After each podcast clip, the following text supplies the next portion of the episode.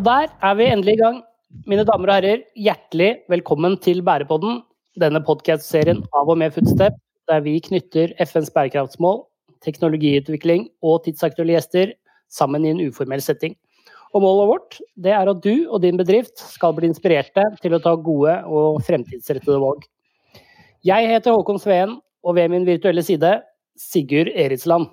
Og Sigurd, eh, dette blir årets siste episode av Bærepodden i et år som må sies å ha vært veldig spesielt. Hvordan eh, vil du oppsummere 2020? Ja, Håkon. Eh, spesielt må være et ganske dekkende ord for 2020. Og jeg skal nok ikke lage en lang analyse på hvorfor 2020 har vært så innmari spesielt. Det har nok alle som hører på kjent på både kroppen og i hodet. Og hvis man av en eller annen uforståelig grunn da ikke har fått med seg eh, hva som har skjedd, så er jeg sikker på at eh, det vil være mer enn nok andre medier som vil gjennomanalysere dette året. Men vi kan jo eh, f.eks. trekke fram Bærepodden, da, som har fått mange nye lyttere og da gode tilbakemeldinger på innholdet som vi skaper, sammen med våre gjester. Um, på det mer personlige plan så, så, eh, har det jo også vært et år med, med opp- og nedturer. Eh, jeg mistet moren min i høst, eh, og det har jo vært hardt og brutalt. Og en påminnelse på at man aldri skal ta ting for gitt. Det eneste som er sikkert i verden, er at en dag så blir du født, og en dag så skal du dø. Og, hvis, og, hva man gjør i tiden imellom, det er med på å definere oss som det mennesket som vi er. Eh, og du bestemmer jo selv om du skal bare la deg underholde av Netflix og gaming, eller om du ønsker å være med å ta et standpunkt og bidra til å etterlate verden til en bedre stand enn det du selv fant den. Og Det er jo mange måter å bidra på. og Fra å være bare en eh, god venn og en god kollega som er hel ved, til å gjøre som mange av våre gjester og reise ut for å bidra på et større plan. Og det er jo nettopp noe av dette Bærepodden handler om. Gode samtaler med mennesker med et purpose om å bidra med noe som er større enn dem selv. Ja, det, det syns jeg var en fin eh, oppsummering, Sigurd. Eh, og så er det en passende bro til det vi nå skal bevege oss inn på. For i dag så skal vi snakke med en eh, engasjert fyr som virkelig går inn for å etterlate verden i en bedre tilstand enn det han fant den selv. Vi har nemlig invitert med oss den sosiale entreprenøren Andreas Friis til en prat. Og det gleder vi oss til. For Andreas han er eh, grunnlegger og leder av et veldig spennende og tidsriktig initiativ, nemlig Sustainability Hub. Og Sustainability Hub er en forening som jobber for å bygge et tverrfaglig miljø innenfor bærekraft i Norge, i samarbeid med flere ledende organisasjoner og bedrifter. Og For kort tid siden så kom de ut med rapporten State of Sustainability. Det er en årlig kartlegging av status på bærekraft i norsk arbeidsliv. Og første rapport ble lansert i 2017, Eh, og da var det første gang det ble gjennomført en så omfattende kartlegging av hvordan bedriftene i Norge jobber med bærekraft. Nå har vi tre år med data som kan sammenlignes, og det skal vi dykke ned i i dag. Det skal vi, Håkon. Og eh, det er på mange måter eh, State of the Union-rapporten når det kommer til bærekraft. Hvor gode eller hvor dårlige er egentlig det norske næringsliv når det gjelder vårt bidrag for å nå FNs bærekraftsmål? Det er noe av det vi skal snakke om. Men først så vil jeg også på vegne av Footstep ønske alle en riktig god jul. Og blir du trigget av noe av det du hører om i Bærepodden, så ikke nøl med å ta kontakt. Det kan jo hende at vi kan samarbeide om noe. Om noe. Nå skal vi straks slippe til Andreas, dere. Men før vi kommer så langt Her er vår egen analysedronning Ida Gram med årets siste Footfacts. Hei, Ida Gram fra Footstep her.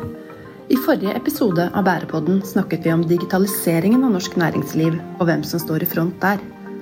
Denne gangen spør vi hvordan det står til med bærekraftsarbeidet i norsk næringsliv og samfunnet for øvrig. Rapporten State of Sustainability, som Sustainability Hub har utført sammen med forskere fra Norges handelshøyskole, gir grunn til både optimisme og bekymring. Undersøkelsen er en årlig kartlegging av status for bærekraftsarbeidet blant 176 ledende bedrifter i norsk næringsliv. På plussiden viser rapporten at hele 77% av selskapene rapporterer at de globale begivenhetene og økonomiske trendene i 2020 bare vil føre til mer fokus på bærekraftig virksomhet de neste ett til tre årene. 69% av bedriftene oppgir at de har opplevd press i retning av bærekraft det siste året, og 77% sier at de velger leverandører basert på deres eh, eget bærekraftsarbeid. Rapporten viser også at 87% har bærekraft integrert i kjernestrategien til selskapet, samtidig som under 30% oppgir at det er veldig høyt strategisk fokus på bærekraft i ulike funksjonsområder i bedriften, samt blant styre, ledere, mellomledere og ansatte. Videre er det kun 27% som mener at deres forretningsmodell er klar for fremtiden. Med andre ord er det et stort potensial for modning og forbedring, og et betydelig arbeid som må gjøres for å implementere bærekraft i praksis. Forskning viser at kompetanse er en viktig endringsdriver, og også her er det behov for å ta kraftig tak, skal vi tro rapporten. Bærekraftskompetansen i ledelse og styre oppgis gjennomgående som lav, og selv blant ansatte som karakteriseres som bærekraftspesialister, er det bare 39% som oppgis å ha veldig høy kompetanse. Kort oppsummert det er et stykke mellom teori og praksis. Men hvordan står det til med resten av Norge når det gjelder oppfølging av bærekraftsmålene? Ikke all verden, skal vi tro en nylig publisert rapport fra Riksrevisjonen. Her påpekes det at den nasjonale oppfølgingen av bærekraftsmålene ikke har vært godt nok koordinert, og at Norge mangler en helhetlig plan for gjennomføringen av 2030-agendaen med bærekraftsmålene. Videre gir ikke rapporteringen god nok informasjon til Stortinget om status og framdrift for den nasjonale oppfølgingen av bærekraftsmålene, bl.a. fordi Statistisk sentralbyrå ikke har vært tilstrekkelig involvert i arbeidet. Litt flaut kanskje, siden statsministeren vår er en av lederne for FNs pådrivergruppe for bærekraftsmålene, og har tatt opp dette med statsledere en rekke ganger. Og det handler om mangel på styring. For å sitere rapporten det at det ikke er noe departement eller dedikert enhet som har vært, hatt ansvaret for helheten og sammenhengen mellom bærekraftsmålene, innebærer at alle beslutninger om arbeidet med bærekraftsmål er overlatt til det enkelte departement eller til regjeringen. Fraværet av overordnet og helhetlig styring medfører at målkonflikter ikke blir identifisert og håndtert for å få en samstemt gjennomføring av bærekraftsmålene. Men hva er det som må til, da? Hvordan kommer vi videre? Hva må ledere gjøre? Hva må ansatte gjøre? Og hva er det som fungerer best? Pisk eller gulrot? Det skal vi få høre mer om i dagens episode av Bærepodden. Tusen takk til eh, Ida Gram for en klok inngang til det som blir en samtale som vi har satt frem til. For nå skal vi slippe til Andreas Friis, mannen bak nettverket Sustainability Hub. Hjertelig velkommen til Bærepodden, Andreas. Tusen hjertelig takk, Håkon. Veldig veldig hyggelig å være med. Det er en ære til å bidra her. Supert. Kan ikke du starte med å fortelle litt om deg selv? Hvem er eh, Andreas Friis? Jo, eh, jeg er en 38 år gammel eh, siviløkonom fra Porsgrunn. Jeg er eh, enn så lenge ettbarnsfar med et nytt barn på vei. Jeg er glødende opptatt av hvordan du kan bruke business til å gjøre en forskjell i verden, og det har jeg egentlig vært helt siden jeg var liten. Har en far som er gründer, har selv starta flere selskaper og ulike initiativer. Um, har jobba internasjonalt med, med bærekraft og sosialt entreprenørskap. Og jeg ser virkelig det her med hvordan en større grad av mening inn i business kan skape både begeistring, lønnsomhet, men også selvfølgelig et stort eh, impact på verden. Mm. Og så, for, eh, for, tre år siden, så startet du altså Sustainability Hub. Ta oss gjennom eh, hva dere står for, hvem dere er og hvordan dere jobber. Ja, vi satte i gang Sustainability Hub Norway i 1.3.2017. Eh, eh, og da var det sånn at det fantes jo ikke et, eh, et bedriftsnettverk eller bedriftsinitiativ som snakka om bærekraftig business. CSR Norge hadde akkurat blitt borte, og da var faktisk bildet på bærekraft i Norge ganske annerledes enn det er i dag. Og vi tenkte at uh, her trenger vi jo et nytt initiativ. Det hadde vært, jeg hadde hatt en idé til Ekona sivil, Økonomforeningen om et forprosjekt på bærekraft. Og Det var sånn egentlig forløperen da, til Sustainability Hub kom i stand, ved at Kona satsa litt på et forprosjekt. Og så tok jeg det da om til, til at vi starta foreningen Sustainability Hub Norway for å bidra til å akselerere utviklinga med bærekraftig business blant norske bedrifter. Og med et hovedfokus på egentlig strategisk og praktisk bærekraft. Altså hvordan du tar bærekraft inn i hverdagen i forretningsdriften til bedrifter. Så det var en veldig spennende start, og vi, vi på en måte bygde, har bygd stein på stein da, i de siste tre og et halvt åra. Og så har dere også publisert da, eh, denne rapporten, State of Sustainability, Norway 2020, eller 2020 som vi sier på norsk. Eh, det er jo da eh, en årlig rapport som viser bærekraftstatus for det norske næringsliv. Kan ikke du fortelle litt mer om formålet med rapporten, og ikke minst hvem som bør lese den? Jo, det kan jeg gjøre. Og først så, så må jeg også si at altså, i Sustainability Hub så ønsker vi å, å ha med de som er mest ambisiøse på bærekraft. Altså de bedriftene og lederne som virkelig har lyst til å gjøre en forskjell. Og når vi da uh, gjør State of Sustainability-undersøkelsen, så er det egentlig også et forsøk på å kartlegge hvordan blir det egentlig jobba med bærekraft i bedriften der ute. Og så skal det sies at de som får denne undersøkelsen, det er jo bedrifter som er i vårt utvida nettverk. Altså Det er ikke et tverrsnitt av norsk næringsliv. Det er jo allerede mange bedrifter som kan forventes å være i gang med bærekraft, og dermed på en måte mer av de ledende bedriftene, egentlig. da. Så, og de, de som jeg tenker at denne undersøkelsen er relevant for, det er egentlig de som har bærekraft strategisk på agendaen, dvs. Si eiere, styre, toppledelse og bærekraftsansvarlige. Det er de jeg tenker bør lese det. Og for dette her er veldig mye relevant informasjon eh, rundt hvordan bedrifter bør gripe an, eh, eller ikke gripe an bærekraft. Mm. Men, men, det er kanskje ikke bare eiere og, og styre innenfor deres eget nettverk, men, men uavhengig av, av eh, eh, hva, altså, om, om, man er med eller ikke i, i um, Sustainability Hub? Ja, absolutt. Altså, vi, vi, mm. har jo eh, Det her er ikke en rapport som, som, bare er for våre partnere. Tvert imot. Det er eh, alle der ute i næringslivet som er opptatt av bærekraft, bør ta en titt på dette. Eh, og og, og, altså klart, de som har svart, det er jo heller ikke bare bedrifter som er med i vårt nettverk heller. Det er, det er også en del andre. Og vi har et representativt utvalg egentlig fra, fra alle norske bransjer.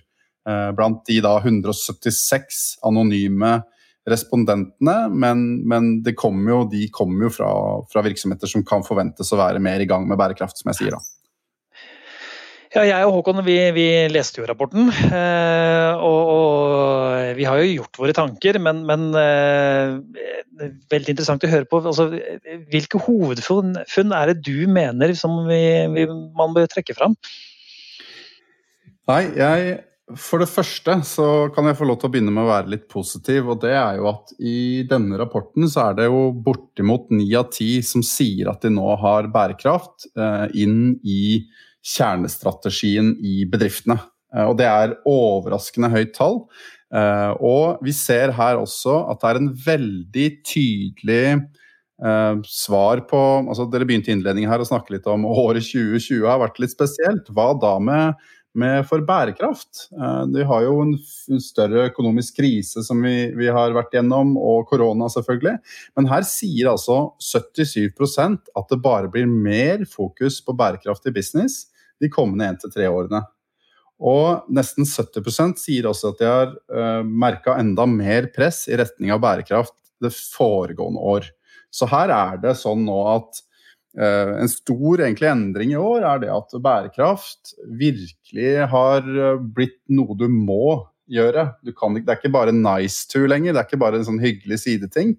Nå er bærekraft i ferd med å bli virkelig på en måte allemannseie og noe alle ledere og bedrifter må forholde seg til.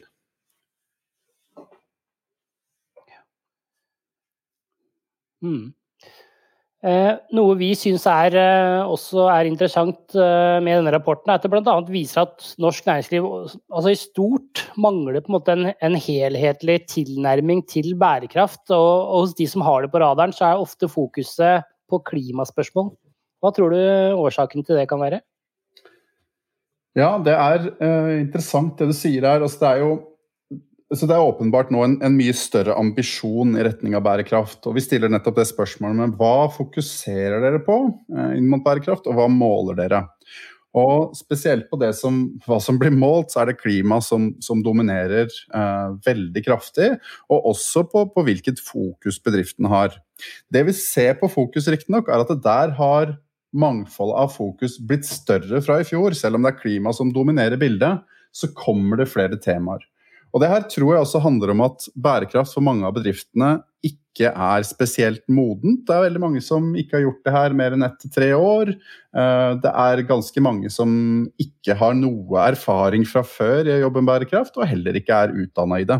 Og da er det fort vekk sånn at man hekter seg på først kanskje det temaet som er mest dominant der ute, og klima er et veldig viktig tema og, og ønsker ikke å snakke ned det, men bærekraft er veldig mange flere ting. Og også hvis du skal gjøre det liksom strategisk relevant inn i forretningsmodell og inn i selskapet, så er bærekraft mye mer enn klima.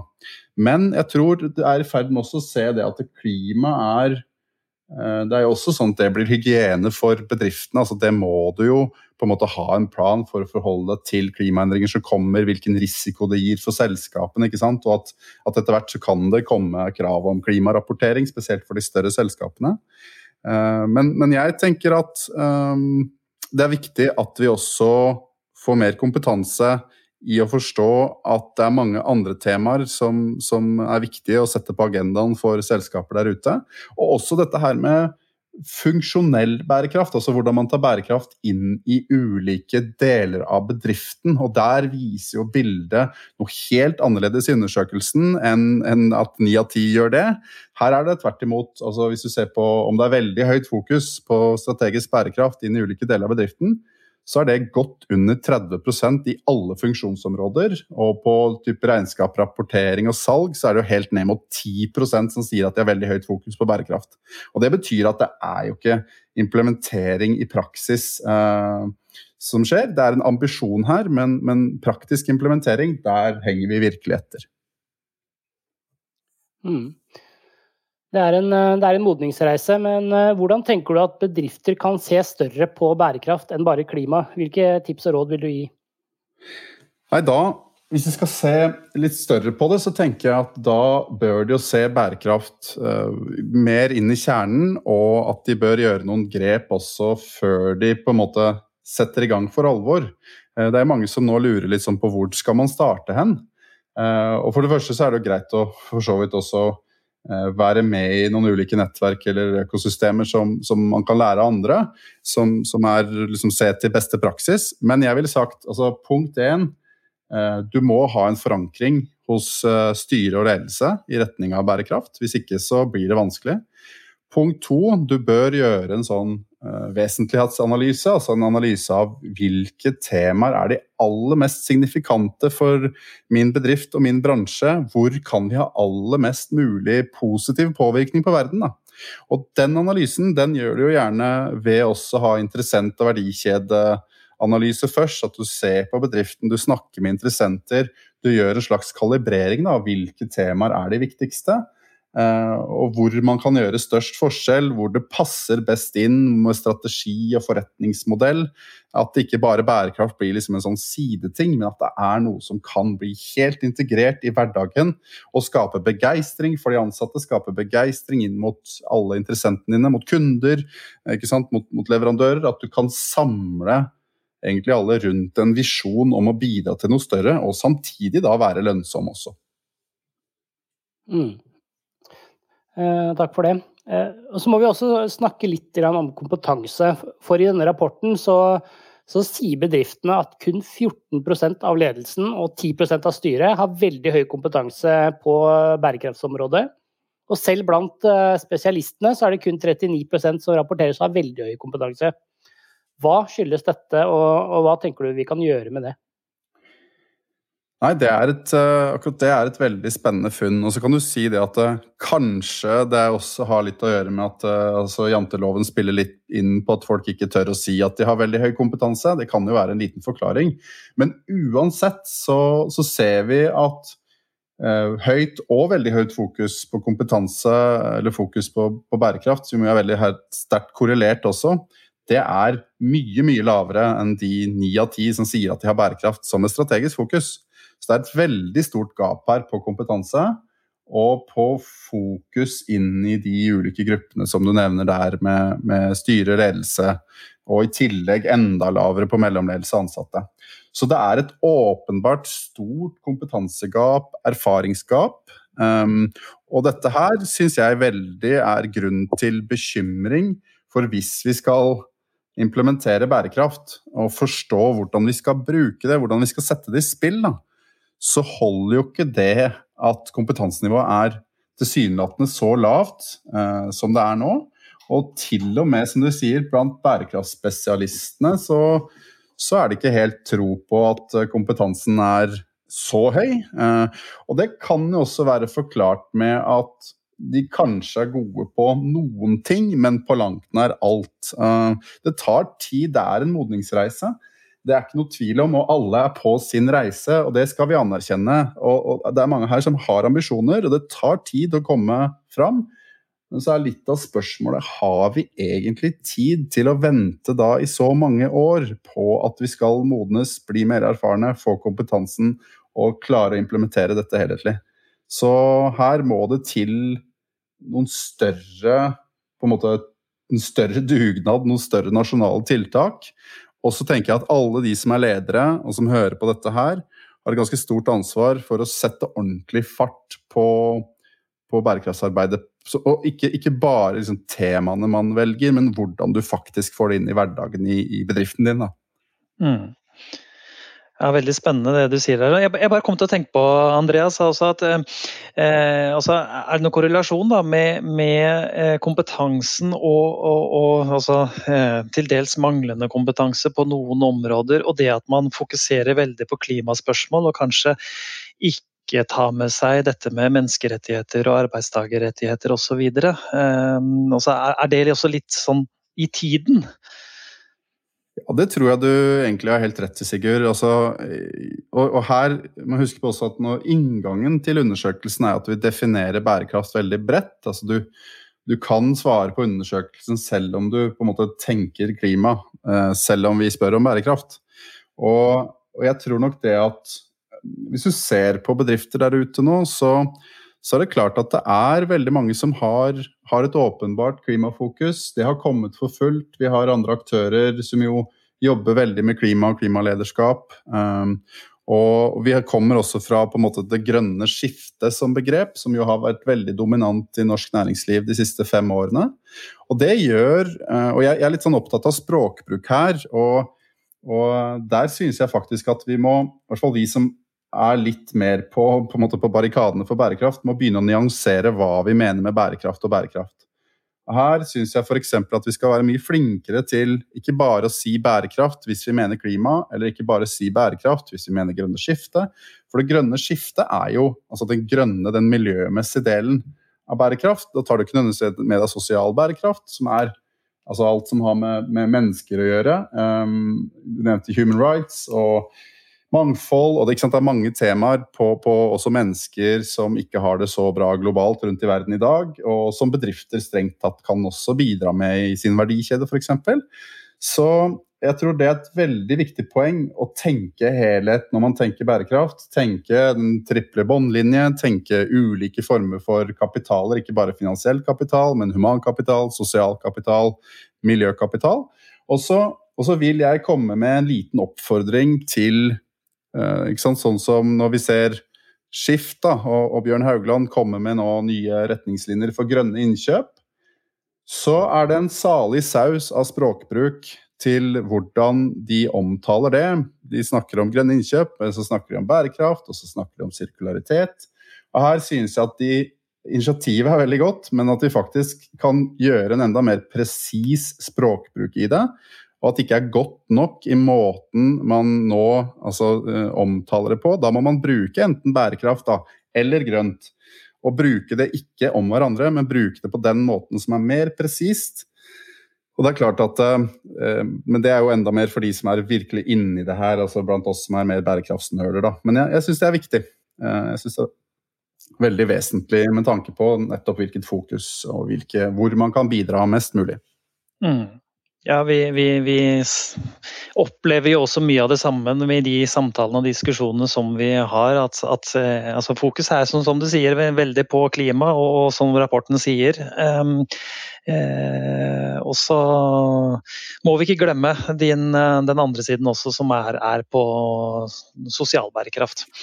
Ja, jeg vil, jeg vil, egentlig bare skyte inn der også, Sigurd. Bare akkurat det med altså Jeg tror noe av det som er aller viktigst, er for å se at hver enkelt bedrift uh, egentlig har ulike temaer som er viktigst for de. Altså det her med vesentlighet. De mest signifikante temaene.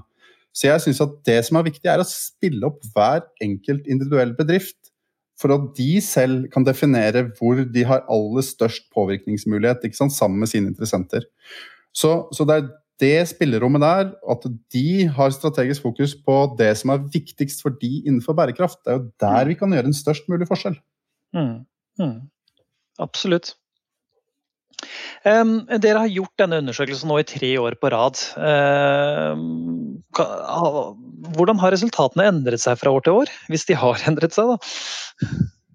Ja, det er eh, Altså, da vi starta State of Sustainability for tre år siden, så var det egentlig et samarbeidsprosjekt med NTNU og en masterstudent som het Bia Lefebvre, som også var involvert i SUB. Eh, hun modellerte egentlig undersøkelsen etter en australsk undersøkelse som het State of CSR. Eh, hvor vi tok inn mange lignende typer spørsmål som de hadde der, og la til noen selv. Og så er det klart at Spørsmålsstillinga har endra seg litt over tid til å bli enda mer sånn fokus på strategi og implementering.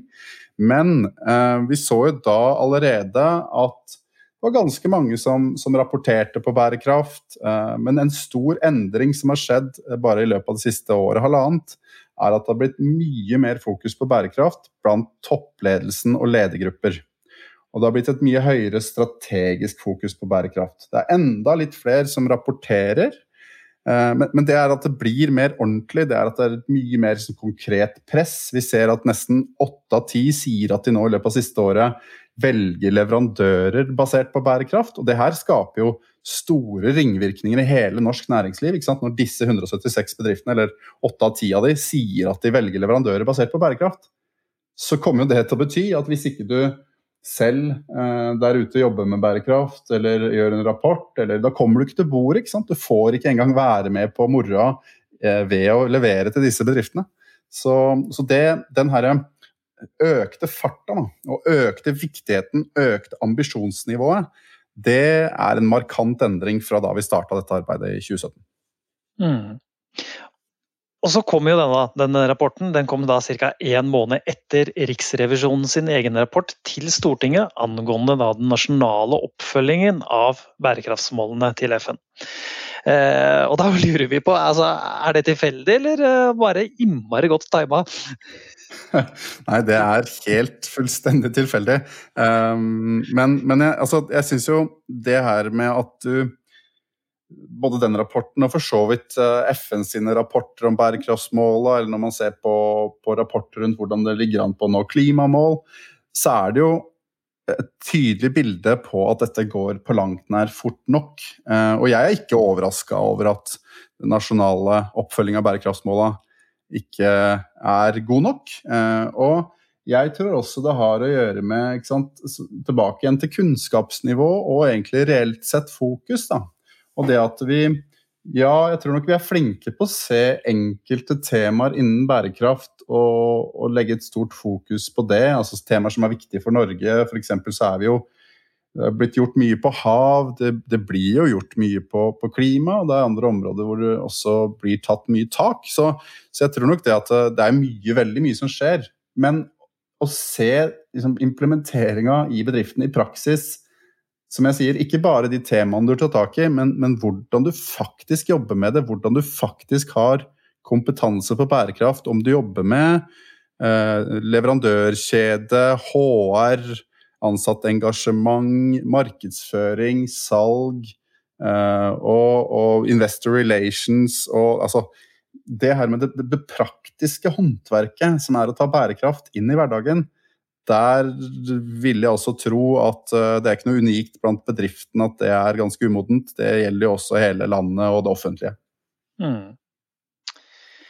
Eh, og så sier jo denne riksrevisjonsrapporten da, bl.a. at Norge mangler da, en helhetlig plan for gjennomføringen av, av 2030-agendaen med bærekraftsmålene. Eh, og den sier også at det har vært mangelfull involvering av eh, Statistisk sentralbyrå i arbeidet med, med bærekraftsmålene, for de sitter på, på, på, en god del data som kan være kan være fornuftig å ha med seg. Eh, hvordan korresponderer disse funnene med, med State of Sustainability?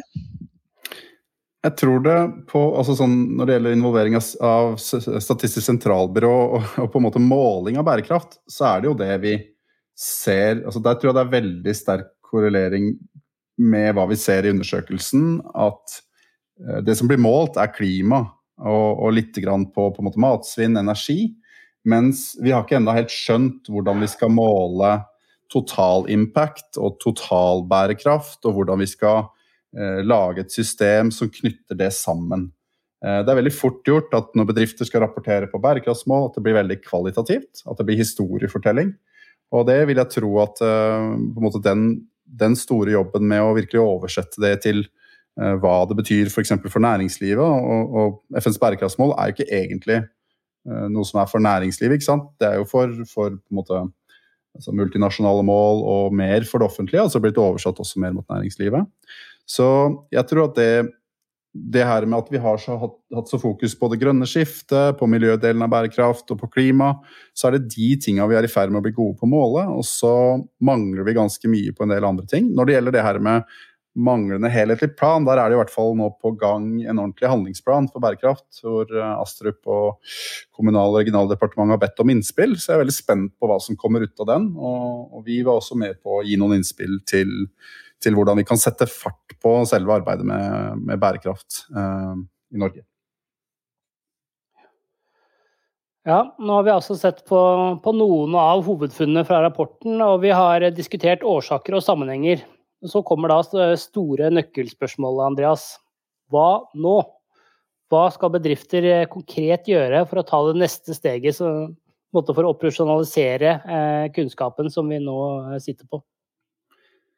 Det er et uh, superbra spørsmål, Håkon. Um, og jeg tror det som er veldig veldig viktig, nå som det åpenbart er mange her som har store ambisjoner på bærekraft, det er å en sterk oppfordring til å virkelig jobbe virkelig godt med det i praksis. Altså, eh, ambisjonen og, og ønsket om at dette her skal jobbes med, må oversettes inn i implementering. Det må oversettes inn i strategier for ulike deler av bedriften. Ikke bare overordna, men i praksis. Hvordan skal du faktisk gjøre det?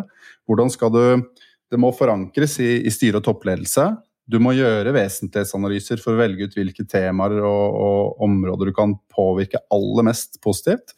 Eh, du må jobbe med nyutvikling av produkter og tjenester med bærekraftig mente. Du må aktivisere alle de viktigste interessentene dine. Altså, det her er jo en vanvittig bra mulighet til å engasjere ansatte, til å engasjere kunder, til å engasjere investorene dine, til å jobbe inn mot leverandørene dine. Så det å, å bruke hele den si, trickle down-effekten på å gjøre dette helhetlig. Og så må kompetansen opp. Det må tas på alvor, og ikke bare den tematiske kompetansen, men den strategiske, funksjonelle kompetansen. Sånn at eh, enten når man utvikler egne kurs, eller om man tar kurs i regi av NHH eller BI eller andre som tilbyr det, eh, henter inn ulike konsulenter til å hjelpe seg med ulike dimensjoner innenfor bærekraft. Altså at man har rett og slett Eh, også et mye større trykk på å bruke ressurser, bruke tid, bruke ressurser på å gjøre dette ordentlig. Ikke bare si det, for jeg er litt bekymra for at, at uh, man sier det fordi at man må, og så vet man kanskje ikke engang helt hvordan man skal gjøre det. Uh, og man setter ikke i gang ordentlig, man setter ikke i spill, og da får man heller ikke effektene eller Eh, den store impactet på samfunnet som man kan få. Og det her er et stort lønnsomhetspotensial i, det ser undersøkelsen vår også. altså Hvis du gjør bærekraft riktig, hvis du har fokus på vel så mye den interne delen av bærekraft, altså som leverandørkjede, det operasjonelle, måling, rapportering, risiko, finans, eh, ansatte, da er det eh, altså Vi har gjort analyser her sammen med NHH, professor Magnus Uppellen. Da er det tegn på at dette her er korrelert med mer lønnsomhet. uh, hvis du gjør det godt uh, på ordentlig. Men du kan ikke fake det. Ikke sant? Det må gjøres på ordentlig. Så, så, jeg vil bare si til igjen, dette her er et lederansvar, det er styrets ansvar. Et fullt commitment og, og få opp kompetansen, og så implementer for fulle mugger. ja, Eh, takk for de gullkorna der, Andreas. Jeg håper eh, mange som fikk med seg det. Hvis dere ikke gjorde det, så spol tilbake og hør en gang til, for det her er eh, utrolig viktig. Eh, Andreas, hvem er best på bærekraft i Norge? Er det de store virksomhetene, eller er det de små? Og, og ser dere noen forskjell eh, på offentlig kontra privat sektor, eller eventuelt bransjer? Det er jo et uh, veldig godt spørsmål også. Hvem er egentlig best? Um, det vi kan se, i hvert fall fra undersøkelsen, vi har prøvd å også filtrere ut hva gjør de som allerede rapporterer at de får flere kunder eller sparer kostnader eller mer engasjerte ansatte. Um, og hva gjør de som har et sånn ordentlig strategisk transformativt fokus da, på bærekraft. Og Der uh, ser vi at det er en sånn 40-50 selskaper uh, som skiller seg ut som har altså, mer enn dobbelt så høyt fokus på strategisk bærekraft, mer enn dobbelt så høy rapportert kompetanse på bærekraft. Og de selskapene, eh, det tror jeg er en, en um, Vi har ikke gått dypere inn i det, men jeg er eh, så godt som helt sikker på at det er en blanding mellom store og små. Altså, Det er noen store som er modne, som har jobba med bærekraft kanskje siden midten av 90-tall. Uh, og som er, har kommet langt. Men samtidig så ser vi at også noen små up and coming. Blant annet så har vi en morsom partner i, i S-Sub. Vi har jo mange selskaper med. altså Alt fra sant, Scatec Solar og, og Statkraft og, og, store selskaper, til mindre. Blant annet et selskap som heter King Coffee. Et uh, selskap som driver med uh, kaffe, uh, B2B. og de er altså født som selskap med et ekstremt høyt fokus på, på bærekraft på alle måter. De bygger inn i forretningsmodellen sin, eh, de bygger inn i verdikjeden sin, de bidrar sosialt, de bidrar miljømessig. Og det er kanskje lettere egentlig som helt nystarta selskap å gjøre de liksom radikale forretningsmodellgrepene enn det er for et veldig stort konsern med masse produktlinjer og mange ulike liksom, virksomhetsområder. Så, så, jeg tror at det går litt på nå at vi må endre litt forståelsen av business, klassisk business, og hvordan man skaper både en størst mulig forskjell med partnerskap og lønnsomhet. Eh, det er mye mer samarbeid, det er mye mer liksom, å rigge forretningsmodellen sin til å være klar for framtida. Og da er de aktørene sånn som King Coffee med, med gründerne Erik og Asgeir i spissen, det er utrolig kule. ikke sant? Og de får mange store bedriftskunder som velger at det er de vil ha sine kaffeautomater fra King Coffee framfor type Coca-Cola. Fordi at King Coffee er mye kulere i hvordan de tilnærmer seg bærekraft, og mye mer ekte i, i hele modellen sin. Da. Så, så, men jeg tror altså, alle kan jo endre seg. og det er kanskje eh, Til de store så er det jo selvfølgelig en oppfordring om å, om å endre seg gjennom sandboxing, altså gjennom å teste nye innovasjoner eh, på sida, og så ta endringene gradvis inn i, i hele eh, kjernen eller inn i, i hovedforretningsmodellene sine. Men, men, jeg tror nok også at en del bransjer vil jo oppleve at de er veldig utsatt for liksom, disrupsjon. Eh, at du, hvis det er veldig ressurskrevende, altså Bilbransjen er et godt eksempel som allerede er veldig godt i gang med Møller og, og hvordan de ser transport as a service. Ikke bare som at du skal kjøpe bil, men at du skal kjøpe transport. Da. Og det, det kommer til å endre seg, og så er spørsmålet hvor lang tid det tar, hvor det er fullstendig snudd på hodet. Men andre bransjer også som har et altfor høyt ressursforbruk i dag, Um, altså type Fast fashion er et eksempel som er helt klart trua. Du kan ikke ha, som Sara var det, 17 sesonger i året i framtida. Det er hvor du bruker et plagg to-tre ganger og så kaster igjen. Det er jo ikke en forretningsmodell som kommer til å fungere om 30-50 år. Uh, det vil jo da mest sannsynlig ikke nesten være lov, ifølge liksom nye regelverk fra EU, og hvordan du skal tenke rundt uh, innsatsfaktorer. da. Så da er det jo selskaper som et norsk selskap som heter Northern, som jo er veldig spennende på hvordan de tenker eh, forretningsmodeller innenfor klesbransjen med, med, mye mer sirkularitet. Og det jobber jo sånn som Bergans med veldig mye også. Um, så, så, det er liksom eh, noen bransjer åpenbart at kommer til å bli satt under veldig mye press. Og så er det andre bransjer igjen som kanskje er enda mer rigga for, for å kunne bidra inn mot en bærekraftig framtid. Og der er jo, Dere snakker mye om teknologi og digitalisering her. Det er klart at eh, jeg tror også veldig at sant, hvordan man bruker disruptiv teknologi til å oppnå og løse de store problemene i verden. Helt klart eh, noe som kommer til å bli bare mer og mer viktig i, i de kommende åra. Mm.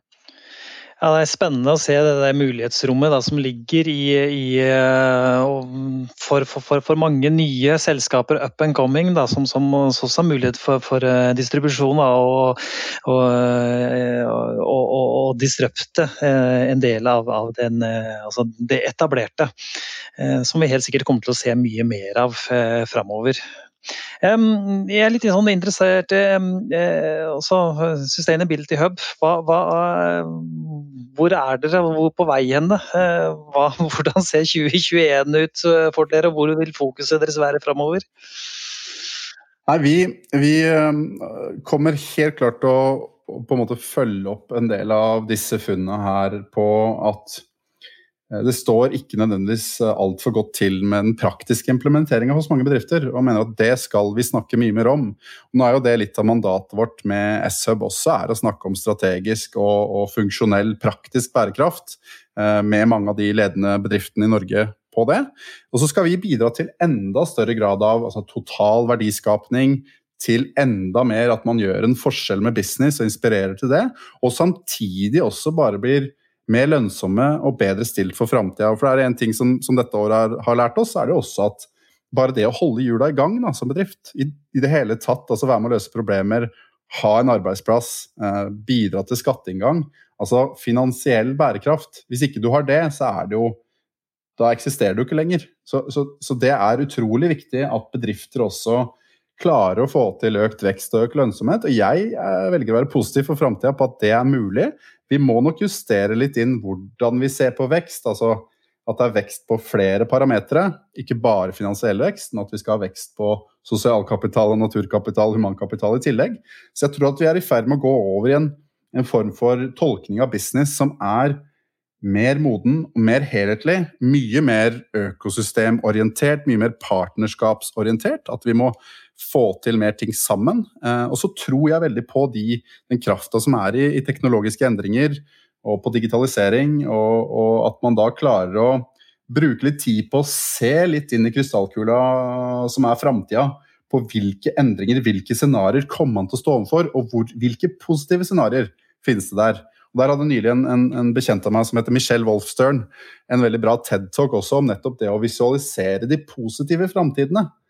Uh, og det, hvis ikke vi klarer å visualisere en positiv framtid, uh, hvis vi bare klarer å se de negative scenarioene, så, så, kommer vi ikke så langt. Så jeg tror at det er veldig viktig at alle som sitter med leder, Eh, lederansvar i bedrifter nå også ser hvordan kan vår virksomhet bidra til en mer positiv framtid med mer helhetlig verdiskapning, sånn at man kan blomstre opp og fortsette å eksistere med forretningsmodeller som er mer tilpassa framtida fram mot 2030, 2050, 2080 og neste generasjoner. At det er det perspektivet vi må ha mer. Og um, Da tror jeg altså at de som gjør det, blir belønna over tid. Og det ser jo masse tegn på at investorer globalt ønsker også å satse mer på den type selskap. Og bærekraftsinvesteringer har jo hatt en positiv inflow av kapital nå i løpet av 2020. Hvor folk har hentet, investorer har henta pengene ut av andre selskap. Så har bærekraftsinvesteringer stått trygt pga. det langsiktige fokuset, vil jeg tro. da. Støtter veldig de tankene om, om viktigheten av å, å, visualisere positive framtidsscenarioer, Andreas. For uh, bærekraft er målet, og digitalisering er i mange tilfeller virkemidlet. Ja, og jeg, jeg, ville, ja. Ja, jeg vil også bare, bare, si det at jeg tror altså Om man ikke enda også har søkt type partnerskap eller samarbeid altså inn mot de temaene som er viktige for din bedrift, hvis du skal gjøre en forskjell, så, så, mener jeg altså det å søke samarbeidspartnere, om det er andre bedrifter, om det er økosystemaktører som, som S-Hub eller andre, eh, akademia, altså at man må tenke også mer sånn partnerskap og samarbeid for å nå de temaene. Så det, det er også en veldig tydelig oppfordring, i tillegg til det med implementering, fokus på hvordan faktisk skape lønnsomhet fra det her, og, og, da tenke partnerskap rundt det. Da. Så jeg vil egentlig bare understreke det før vi begynner å gå inn for landing. Ja, fremtiden er definitivt nettverksbasert. Vi nærmer oss uh, slutten, men, uh, men, helt til slutt, Andreas. Og dette spørsmålet det er fast, på, fast avslutningsspørsmål på lista vår. Du har vært litt inne på det, men, men, hvem mener du ligger lengst fremme i Norge når det gjelder å se bærekraft og digitalisering i sammenheng? Hvem mener du fortjener en stor virtuell bukett med, med blomster? Ja, Det er et morsomt spørsmål, egentlig. Eh, dere har jo, jeg tror dere hatt eh, henne som gjest her. Uh, du har jo Mali Hole Skogen fra IKT Norge. Hun er jo eh, veldig langt framme med å koble de to temaene. Men så, så vil jeg også nevne på eh, et annet miljø som jeg syns er spennende på å koble det, og det er jo Tarald Nustad sitt initiativ med Katapult og og eh, ja, eh, Katapult, Futurefest eh, og hele, hele, miljøet som Tarald har skapt der, som har fokus på exponential tech, impact investing og, og entreprenørskap. ikke sant? Så, så, de er også veldig spennende med tanke på å se en litt annen type framtid. Så det blir veldig spennende å se hvilke, hvilke bedrifter og initiativer som kommer ut av akseleratorprogrammene der. og jeg tenker at det fokuset der er, er veldig spennende. Og når det gjelder en virtuell bukett med blomster, så tenker jeg at eh, den bør alle de som virkelig går foran her og er endringsagenter og tar et initiativ på å ville bruke business til å gjøre en stor forskjell for verden, de fortjener den. jeg vet at det er mange som sitter sånn ensomme i bedriften der ute, og som, som, på en måte trenger et klapp på skuldra. og Det er jo litt av det vi gjør med, med SV også, men, men de de som er litt sånn motstrøms, de som er litt tidlig ute, de som prøver og prøver og prøver og prøver å overtale ledelsen og styret, eller de som sitter i et styre eller ledelse og er litt aleine, de fortjener virkelig en virtuell bukett med blomster. Og min oppfordring til dere, til dere som, som, føler dere truffet av det, kjør på, ikke gi opp. Eh, bruk denne undersøkelsen State of Sustainability for det den har vært, til å overtale hvis det er noen flere som trenger overtalelse. Det er det jo faktisk. Det burde ikke være det, men det er det faktisk. Nå har du all statistikk og info til å overtale dem. Så hvis ikke de har skjønt det enda, nei, da mener jeg at det er, ikke, det er i hvert fall ikke deg det er noe gærent med. Da er det de det er noe gærent med. Det er de som trenger å endres. Så dere som er ledere, dere som har den muligheten, ta den muligheten for det det er verdt. Og, og virkelig la oss bidra med det, liksom det vi har å bidra med for verden. Eh, og det tror jeg at vi, vi, selv også vil tjene på å bli mer happy av i det lange løp. Årets siste blomst går altså til alle bærekraftsagentene der ute. Det er fantastisk. Ja, det var en uh, herlig avslutningsappell uh, fra Andreas der. Um, da er det på tide å gå inn for landing for denne gang. Og dette var også den siste episoden for i år. Men for en inspirerende plat det ble. Vi har hørt eh, Andreas Friis fortelle om eh, Sustainability Hub og legge frem hovedfunnene fra en rapport om norsk næringsliv tilnærming til bærekraft. Det har vært lærerikt og innsiktsfullt, og kanskje har det også vært en øyeåpner for noen. For selv om eh, bærekraft er høyere på radaren til norske bedrifter enn tidligere, så må vi, så må vi som nasjon innrømme at det vi har gjort til nå, det er rett og slett ikke nok. Vi må ta enda noen steg for å komme dit vi må og skal være, og de stegene de skal vi definitivt ta. Og de starter så fort eh, kalenderen viser 2021. Nå skal vi ta oss en liten pustepause, for da er det jul. Tusen takk for at du har fulgt nok en sesong av Bærpodden. Det blir stadig flere av, det, av dere. Det setter vi umåtelig stor pris på. Nå skal vi unne oss noen fridager med våre nære og kjære. Vi håper du også får en fin julehøytid. En god, grønn og gledelig jul ønskes deg fra alle oss i Footstep. Så høres vi i 2021. Tusen takk for at du hørte på, og ha en eh, nydelig dag videre.